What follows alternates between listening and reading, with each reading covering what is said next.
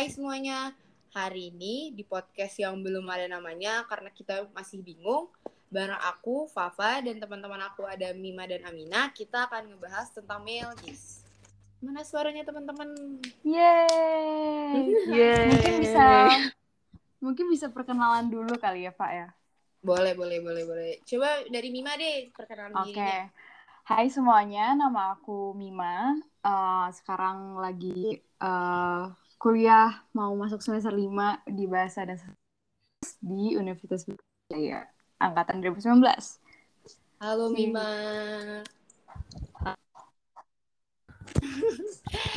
Eh, ayo Mi, kamu sekarang. Halo semua, nama Saya Ami dari Fakultas Fakultas Studies 2019. Saya dari jurusan Sastra Jepang. Yeay, halo Ami. Oke, yang terakhir aku nama aku Syafwa Natasha, biasa dipanggil Fafa. Aku dari Ilmu Politik 2019 eh, Universitas Brawijaya juga. Nah, hari ini kita bertiga mau ngebahas tentang male gaze. Nah, sebenarnya nih aku sendiri ya, aku tuh nggak tahu nih male gaze, maksudnya kayak bukan nggak tahu sih, kayak cuma tahu ya dasar-dasarnya aja lah male gaze itu apa. Sebenarnya eh, kalau menurut kalian tuh sendiri male gaze itu apa sih? Siapa dulu nih? Ayo siapa duluan? Yo. Mungkin dari mungkin dari aku aja ya, aku dulu ya. Soalnya em, eh, apa beberapa hari yang lalu aku yang membuat artikel tentang male gaze, tapi nggak gaze-nya, cuman aku ngebahas tentang female gaze. Jadi eh, tapi oke perbeda gimana ya perbedaan female gaze dan male gaze itu ada, tapi sebenarnya belum ada artikel atau jurnal yang konkret yang bisa menjelaskan apa itu female gaze karena sebenarnya female gaze term yang lagi ngetren sih kalau menurut aku di social media gitu. Cuman untuk male gaze sendiri udah ada jurnalnya dan udah pernah dibahas juga. Nah, untuk male gaze itu, pertama kali di mention sama Laura Mulvey di uh, esainya judulnya Visual Pleasures and Narrative Cinema. Jadi tuh male gaze itu em, apa ya? Kalau dalam konteks sinematiknya itu disiratkan, tersiratkan oleh cara perempuan digambarkan dalam film dari sudut pandang sutradara film yang sebagian besar dalam kasus itu pelakunya itu adalah laki-laki gitu. Jadi eh, apa ya? Male gaze itu sebenarnya nggak cuma dalam konteks sinematik doang, tapi bisa di mana pun, mau di lukisan, di bentuk media apa pun. Dan itu tuh kalau menurut aku sendiri interpretasi aku dari esai ini adalah pandangan eh, laki-laki terhadap eh, cara mereka itu memandang suatu apa ya suatu kejadian wanita gitu loh kalau menurut aku gitu. Kalau Ami gimana? Menurut kamu apa nih male gaze itu? Mm, mirip sih sama Mima, cuma I think it's more of like a, a heterosexual male's perception or expectations of a girl that is apa ya, mostly in creative arts. Yes, My pers- yeah. sama sih sebe Iya. 11 12 ya. Iya sih, sama menurut aku juga kayak ya kayak perempuan tuh di mata gimana ya kayak secara yang kayak patriarkinya tuh kayak perempuan dianggap lemah lah atau kayak cuma seksi atau bisa eh ya butuh laki-laki untuk jadi hero nya kan banyak banget tuh di film-film kayak gitu kan rata-rata gitu kalau Yap. menurut aku. Nah, Dan kebanyakan bentar ya. Dan Iya, kebanyakan eh, menurut pandangan Mel gaze ini tuh banyak banget wanita yang diobjektifikasi gitu. Bagi di film-film kan. bener banget. Nah, nih kan eh, teori si Aku juga mau nambahin sedikit. Oke. Sorry. nggak Sorry. apa-apa. Iya, mungkin dari aku ju- sekarang ya lagi ada apa ya tren- itu nggak sih? And we look into Asian history. over time, and we see that a lot of the male gaze, especially white, um, Caucasian male gazes, women in general, as being very submissive or um, very sexualized, and I think that's also a very big part of male gaze Iya. in creative art. bener Yap. banget itu kayak film-film banyak banget apalagi kalau direkturnya laki-laki tuh rata-rata pasti perempuan di portray itu kayak gitu nggak sih kayak lemah Iya. lah. Terus kayak dari pena, dari pakaian atau dari apa pun kayak perempuan tuh punya punya apa sih ciri khas yang sebenarnya nggak stereotip sih menurut aku jadinya kayak ngebangun stereotip perempuan lewat film jadinya. Itu sih menurut True. Nah, sekarang aku mau nanya, eh, nanya nih.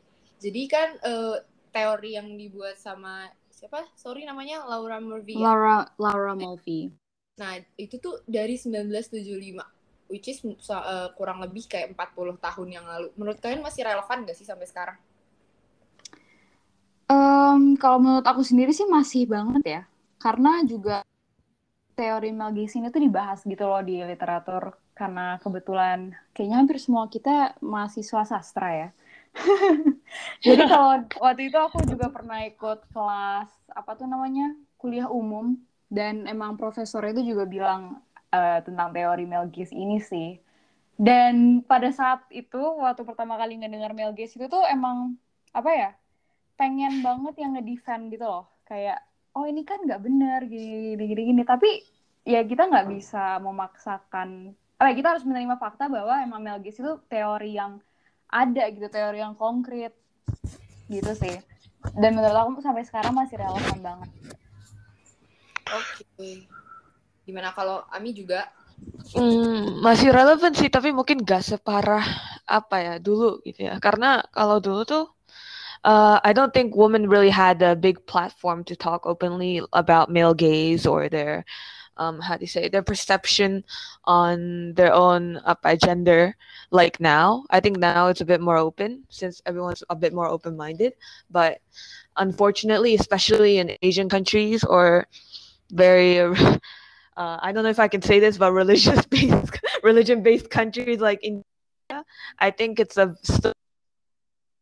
uh, when you see compare for example, like Asian films and uh, Western films, you can really see the difference in how they've uh, how generated from the. I see, like in my opinion, like films as more progressive. I think they're showing a bit more, you know, like misalnya kayak in Marvel Studios, they show like female superheroes more, or they show more female cast as being more, you know, heroic and stuff. While meanwhile in Asian films, we don't really get to see that, and I hope that you know, Asia catches up a bit more. Itu sih kalau aku. Jadi Hmm.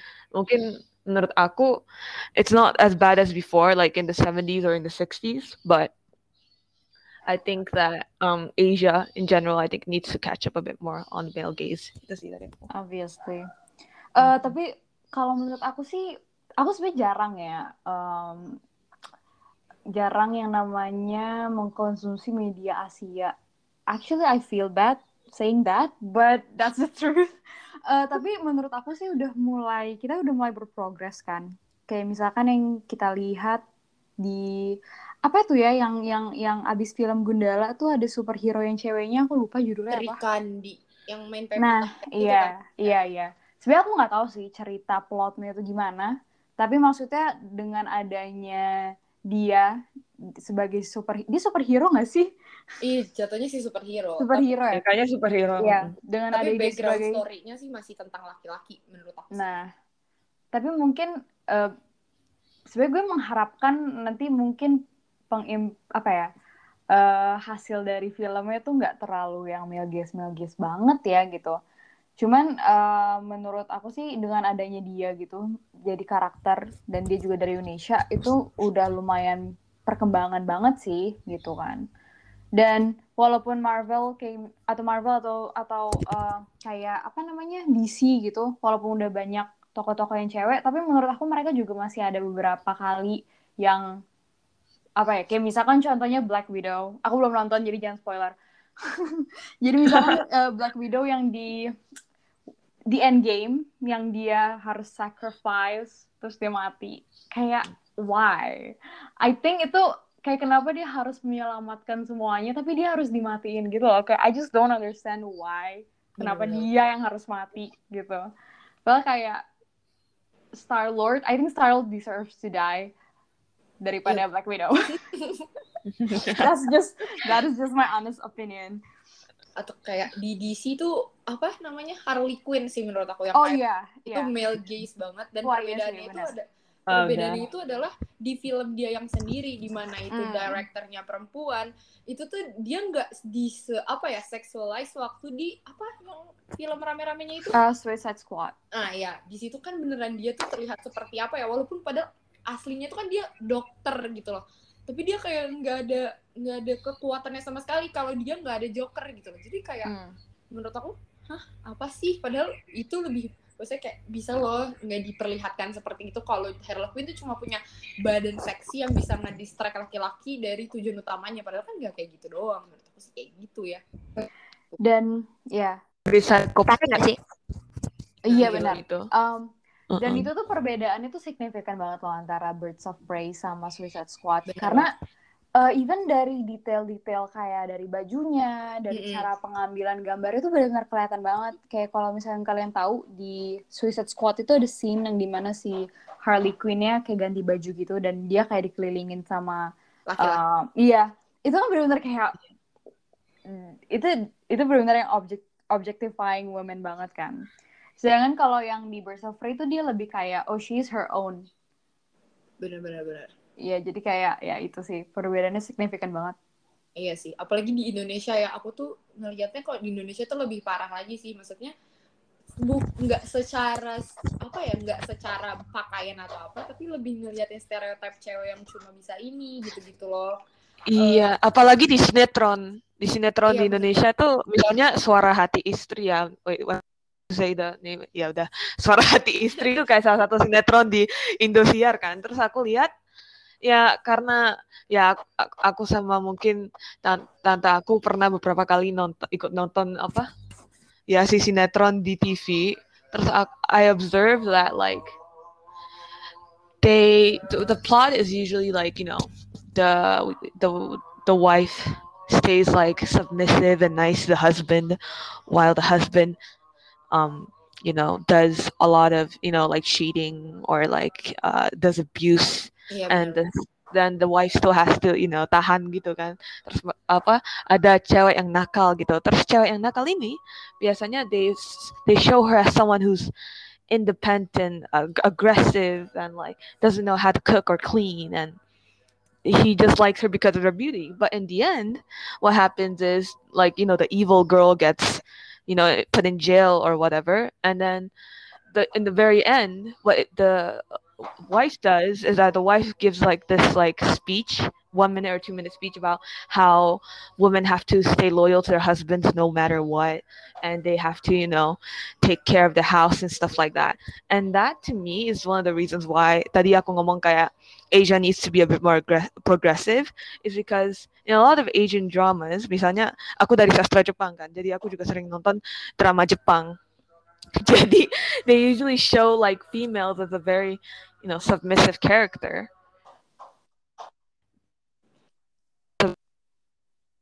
And that's why I feel like you know that's why I said that it needs to be a bit more progressive in my opinion Hmm. Kayak itu loh, sinetron Zahra yang sempat viral itu kan.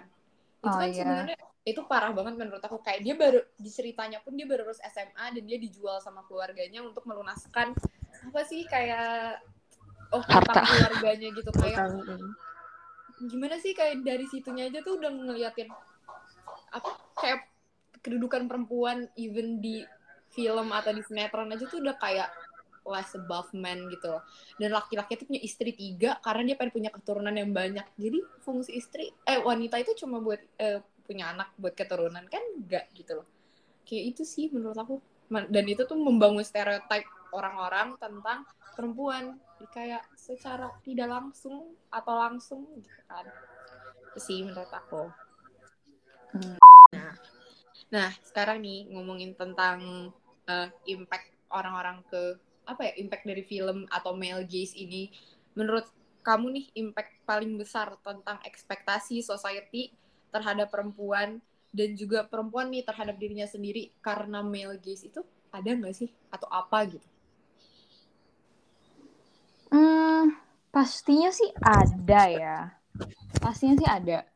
Karena kan ya namanya manusia dan dengan adanya media kita tuh bener-bener terpengaruh banget sama yang namanya media, mau itu media apa pun, social media kah, dan kayak bener-bener eh, gimana ya jelasinnya? Mungkin Amina bisa lebih Hmm. menjelaskan karena aku bingung mau mengartikulasikan kata-kata itu kayak gimana gitu, susah. Ya gimana? Kalau menurut aku sih, I mean like it's a normal human nature to look at films and medias and think that that's like what the society expects of us.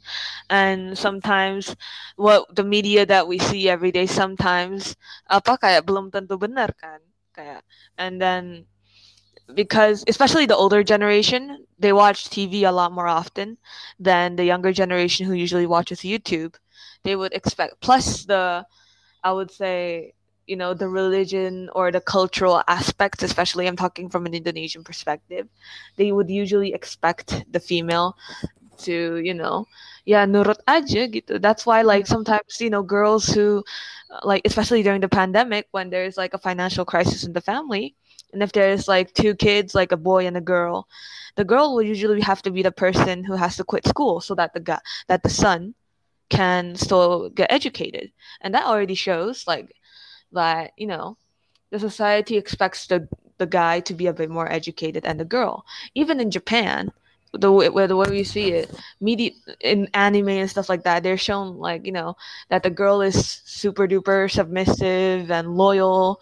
And that sometimes creates like a um, social problems in society. For example, there's the thing called Soshoku Ningen or a herbivore man, which is quite literally means like a man who doesn't want to get any, uh, who doesn't want to have a partner because they're afraid of women.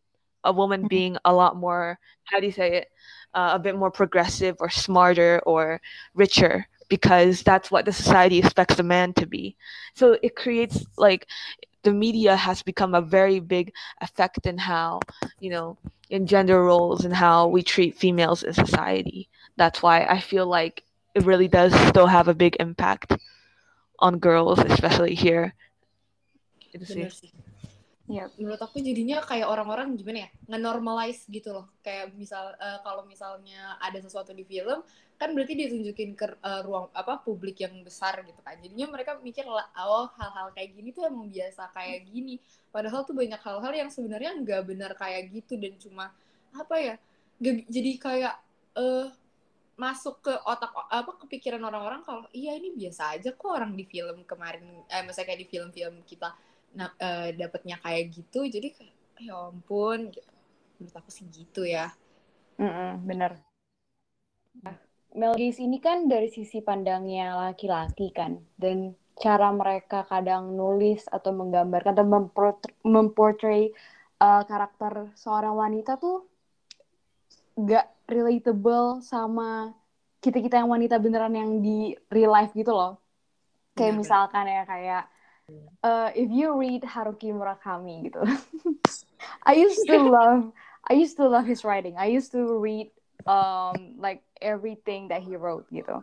Cuman um I just realized how sometimes he's very sexist and misogynistic. Dan itu kayak bener-bener kelihatan banget dari hampir semua bukunya dia yang aku baca gitu. Jadi kayak bener-bener um, apa ya? He did not portray women uh, yang seharusnya gitu. Ini ngomongnya campur-campur gitu ya bahasa Inggris bahasa Indo. Gue sendiri jadi bingung. gak apa-apa apa Jadi kayak ini bilingual gitu. podcast sih aku tuh ngerasa bingungnya kayak eh bukan bingung sih kayak eh, ngerasa perbedaannya banget kayak di novel-novel yang misalnya atau nov- novel yang ditulis sama perempuan aku kan baca bukunya di Lestari ya. Itu tuh kayak beda aja di buku itu tuh perempuan selalu jadi hero nya untuk dirinya sendiri. Sedangkan kalau misalnya di eh, di apa literatur atau film yang laki-laki bikin tuh ya laki-laki lah yang jadi hero nya perempuan. Misalnya kayak eh, yang kayak tadi Ami bilang banyak kan film-film di Indonesia nih yang ceweknya bandel independen. Nah nanti tuh ceweknya itu akan diselamatkan lah oleh sosok laki-laki yang baik yang ini. Karena laki-laki bisa nih mengubah perempuan jadi lebih baik. Padahal tuh menurut aku sendiri enggak sih. Enggak. Kalau seseorang nggak mau berubah ya dia nggak akan berubah gitu loh. Maksudnya nggak ada yang perlu jadi hero siapa pun gitu. Aku sih Hmm. gitu itu perbedaannya. Tuh. Tapi sebenarnya nggak semua, kalau menurut aku ya, menurut aku pribadi sih nggak semua director atau author yang cowok itu eh, apa namanya menerapkan male gaze ini sih. Mm-mm. Karena kalau kita lihat sekarang udah banyak banget menurut aku director dan author yang emang mereka itu nulis pengalaman seorang wanita itu sama kayak halnya sama kayak hal yang wanita-wanita lainnya alami gitu loh. Jadi emang benar-benar kita bisa relate pas baca itu. Dan emang itu tuh kalau menurut aku emang seorang apa ya penulis atau director emang mereka tuh harus banyak research gitu. Jadi kayak menurut aku nggak bisa semuanya itu menurut cara pandangnya dia gitu. Kalau misalkan dia mau menulis tentang seorang wanita, eh, harusnya sebelum dia nulis itu dia research dulu gitu loh. Eh, mungkin dia nggak interview temen yang wanita atau mungkin interview mungkin mamanya yang di interview gitu kan. Benar-benar. Jadi biar dia benar-benar tahu uh, what is it like to be a woman gitu. bener sih iya sih itu tergantung Bener. effortnya dia juga sih pengen tahu nggak sih tentang apa yang dia kerjain kayak kalau enggak ya balik lagi kayak dulu dulu yang kayak ya udah semuanya tergantung cara pandang si laki-laki yang yang ngedirect film atau nulis literatur ini gitu sih Yap, nah benar-benar. sampai sekarang nih eh, ya sebenarnya secara secara luas lah ya banyak in- eh, salah satunya industri film atau itu masih didominasi oleh kaum pria gitu kan.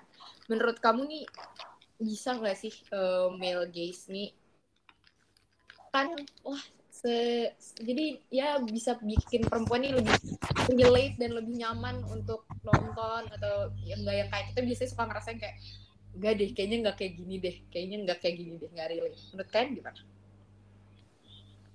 Hmm, mungkin aku dulu kali ya. Oke. Kalau oke, kalau menurut aku sih nggak mungkin bisa hilang karena ini pandangan saya sebagai from a realistic point of view, Hmm. it wouldn't. It, it's it's impossible for it to be a 100% gone. But from a female, we wish that probably, or, you know, uh, in a more realistic point of view. But like from a real, I guess, but from like the realistic side, no, I don't think it's not gonna. I don't think it's gonna go away. Itu sih kalau dari aku. That's actually a smart statement karena emang eh, beberapa hari lalu aku juga bahas ini sama seorang. Eh, pokoknya itu dia berdebat kayak male gaze itu nggak mungkin hilang. Kenapa? Karena kalau misalnya kita lihat ya di dunia industri kayak showbiz gitu, kebanyakan investornya itu kan masih well dominantly laki-laki gitu kan. Dan ya mungkin mereka cuma pengen invest ke media atau invest ke suatu film yang menurut mereka itu di pandangan mereka itu bagus gitu. Dan ya balik lagi itu kan pengaruh dari gaze sendiri kan. Kenapa mereka bisa melihat suatu media itu bagus mungkin karena itu sesuai dengan male gaze-nya dia gitu. Jadi emang if we realistically speaking emang susah dan nggak akan mungkin sih kalau menurut aku male gaze itu hilang cause it's also a part of the society.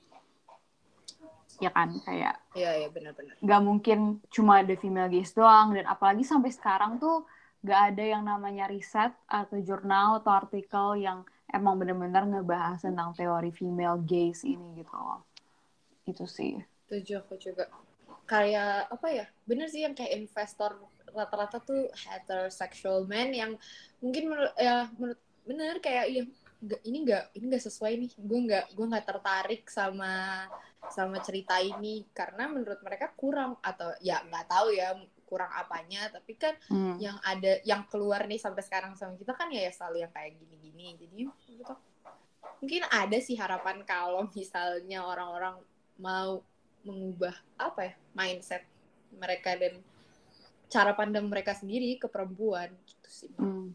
Tapi sebenarnya eh, kenapa apa ya? Ini jadi ngebahas female gaze juga sih sebenarnya. Kenapa eh, si female gaze ini itu eh, bisa terjadi? Karena kalau menurut aku ya, menurut aku tuh mungkin investor dan eh, artis yang ada di showbiz itu mulai ngelihat kalau konsumen konsumen media itu tuh sekarang kebanyakan kan wanita gitu. Dan mereka pengen nonton atau mengkonsumsi media yang emang mereka bisa relate. Dan itu membuat orang-orang tuh juga jadinya termotivasi untuk yang namanya membangun atau mengembangkan eh, karya-karya yang dari wanita sendiri gitu loh.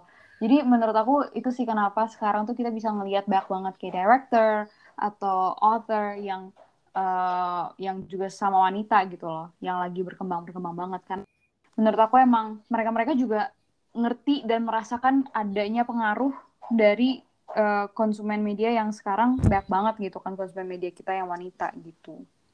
Benar benar benar benar. Ami ada tambahan nggak? Hmm, nggak ada. Udah dijelas. Sama Mima tadi. Nah, yang terakhir nih. Aku pernah baca gitu di internet kemarin sekalian research tentang ini. Gimana menurut kalian nih tentang pendapat bahwa male gaze itu merupakan pujian atau bentuk apresiasi untuk kecantikan dan rupa perempuan lewat film atau bentuk seni lainnya? Gimana tuh? Boleh aku jawab gak? Boleh, boleh, boleh. Oke, okay, aku jawab duluan ya. Jadi tuh uh, beberapa bulan lalu aku baca bukunya Ways of Seeing uh, yang nulis itu John Berger. Dan dia bilang di buku itu kalau nudity is in the eye of the beholder. Uh, yeah, Jadi yeah. gimana ya? Kita bisa ngelihat gimana? Mungkin kita sering kali ngelihat wanita itu, oh dia ini diobjektifikasi gitu di film ini, gitu misalkan. Tapi mungkin ada juga perempuan yang merasa oh itu nggak diobjektifikasi. Malah menurut dia itu embracing uh, apa ya her ability to be sensual gitu. Jadi menurut aku sih balik lagi ke masing-masing orang ya apakah dia ngelihatnya itu sebagai objektifikasi atau um, apa membuat wanita terkesan lebih rendah atau mungkin dia bisa jadi juga ngelihatnya oh this is a way to embrace her sensuality gitu loh jadi menurut aku sih it really depends on the person. Benar benar benar benar. Bisa aja kayak hmm. itu adalah cara mereka gimana ya empowering apa ya kayak ngerasa gue bisa nih ngeliatin ini tanpa malu karena emang ini gue gue bisa gue keren nih kayak gini gitu sih. Hmm. Tapi uh, dengan satu catatan ya uh, asalkan kalau apa ya asalkan cara dia ngedirect atau cara dia nulis skripnya atau cara dia nulis uh, bukunya atau gimana itu nggak dalam pandangan yang misoginistik gitu. Bener bener bener bener. Kalau Ani gimana? Kalau menurut like with catcalling you know because like some people say catcalling is sexual harassment while others say that you know i'm just complimenting her i'm just saying hi i don't see what's the big issue. Did he like what mima said it really depends on how each person uh like you know thinks and how each person interpret interprets this uh, whole situation i guess. And also how the film depicts the female character in general itu sih menurut aku. Iya iya sama-sama. Menurut aku juga gitu sih. Sebenarnya balik lagi ke orangnya masing-masing mau ngeliatnya gimana. Tapi untuk bilang kalau itu cuma ngapresiasi kecantikan atau rupa perempuan sih ya kita juga nggak naif ya kalau itu bukan satu-satunya apa ya tujuannya gitu. Berarti kan mm -hmm. ya iya itu sih menurut aku. Udah gimana nih? Jadinya apa kesimpulan dari pembicaraan hari ini? Kalau menurut aku ya, untuk topik male gaze ini tuh, I think it really depends on the person sih. Maksudnya, ada beberapa orang yang mungkin tersinggung dengan male gaze, ada orang yang bisa menerima, ada orang yang memandangnya sebagai, oh ini hal yang normal karena emang ini merupakan suatu teori gitu kan. Jadi ya sebenarnya untuk konklusinya menurut aku juga ada di gray area sih karena uh, ya itu sesuai pandangan balik lagi ke pandangan orang masing-masing itu gimana? Ya, ya. menurut aku juga gitu sih.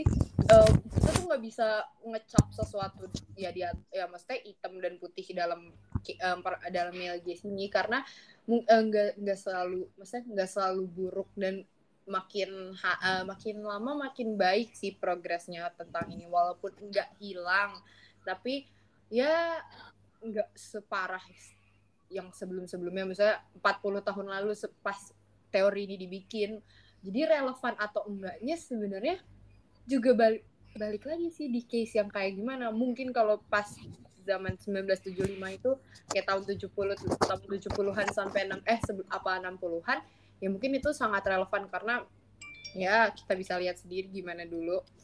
Tapi kalau untuk sekarang ya balik ya abu-abu sih benar kata Mima kalau Mi gimana Iya. Mm, kalau aku sih, to be honest, it's also a gray zone karena it depends, like what Mima said, it depends on each person and their each interpretation. Dan juga kan perempuan juga kadang-kadang ada yang apa ya punya ekspektasi juga kan ke cowok. So in the end, it does. It's a nat- it's a human natural thing to have expectations of the opposite sex and also have attraction and stuff like that. Jadi kalau menurut aku juga depends on the person and each interpretation. Iya benar-benar. Ah, seru juga ya pembahasan male gaze ini kayak aku sendiri kayak kan aku nggak terlalu tahu ya jadi kayak makin banyak tahu sih tentang ini kayak ya ya kayak misalnya yang tadi ya tergantung perspektif orang ngelihatnya dari mana gitu-gitu dan kultur juga mempengaruhi sih tentang male gaze ini menurut aku. Iya benar sih. Iya. Benar-benar. Nah, udah nih gimana? Seru ya ternyata ngobrol-ngobrol kayak gini. Dan bener juga sih kata Fafa yang tadi um, mungkin di tahun 60 sampai 70-an tuh ini tuh masih topik yang benar-benar uh, apa ya namanya? Lagi hangat-hangatnya ya. Karena uh, aku kan sekarang-sekarang ini lumayan sering untuk nonton film-film tahun 60-an ya, apalagi yang film-film Prancis gitu. Dan kalau misalnya kalian tahu Jean-Luc Godard, itu bener-bener yang bener-bener filmnya itu literally very misogynistic dan kayak kalau kita nonton sendiri tuh kayak rasanya tuh kesel banget gitu loh karena dia bener-bener yang kayak gimana ya? Kayak bener-bener ngejelek ngejelekin cewek gitu. Di film-film itu. Jadi that's why uh, si Laura movie mungkin juga ngebahas tentang hal ini karena waktu pada saat itu tuh masih relevan banget gitu. Maksudnya ya sampai sekarang juga masih relevan sih. Tapi kan kalau kita lihat sekarang udah mulai berkembang tadi kata Ami um, progresnya udah ada dan uh, walaupun nggak terlalu kelihatan banget banget gitu ya. Cuman at least there's a progress and kalau aku sih berharapnya akan lebih banyak female artists and directors sih in the near future ya Ya biar Kalau dari aku, gimana Mi? oke, kalau dari aku sih, uh, ya gimana ya? Like even in Japanese films or Japanese animes, you, see, you know, for example, fetishization of uh, young young girls or girls. You know, as you can see, like you know, girls wearing sailor fuku and stuff. And I really hope that you know, I think that's caused by you know the fe- the male's expectation of a female to be innocent and to be young and lovely, and that's you know it's all from a male's perspective and from a male's uh you know what males um see as attractive. And unfortunately when i go back to japan and i see those things it really makes me feel like an object you know am i just a men's object for pleasure and stuff like that. And so that's why i feel like you know in the near future especially in asia i hope i can see leads in film or books. or more asian feminists or female directors History. Yep. Change. Sama-sama. Kalau aku berharapnya makin lama makin ya sama sih pasti lebih banyak representasi perempuan di media eh, apa mainstream jadinya su- eh, suara perempuan juga bisa makin didengar terus makin banyak apa ya s- eh, kayak film, literatur atau apa pun yang beneran ngerepresentasiin perempuan sesuai realitanya bukan yang kayak sesuai imajinasi dari orang-orang gitu loh. Atau kayak ya ekspektasi lah perempuan harus A, B, C ya semoga nanti di ke depannya makin banyak eh, apa sih kayak beneran nih perempuan nih aslinya kayak gini gitu. Hai, right ya kan. Nah, Benar, benar. nih pembahasan Benar. tentang male sampai sini dulu. Terima kasih yang udah ngedengerin kita ngobrol dari tadi. Nah, semoga ya semoga ada manfaatnya lah ya bisa bikin bisa makin orang-orang banyak tahu atau ya orang-orang makin aware lah tentang male gaze ini. Nah, Amin. ada yang mau juga sampaikan Mima, Ami. Em, jangan lupa follow Instagramnya Woman Up Brawijaya ya guys. Benar banget. Iya. Sama follow Spotify-nya nanti. Ya kan nanti nih di-upload di Spotify. Sampai jumpa di next episode. Bye-bye semuanya. Bye.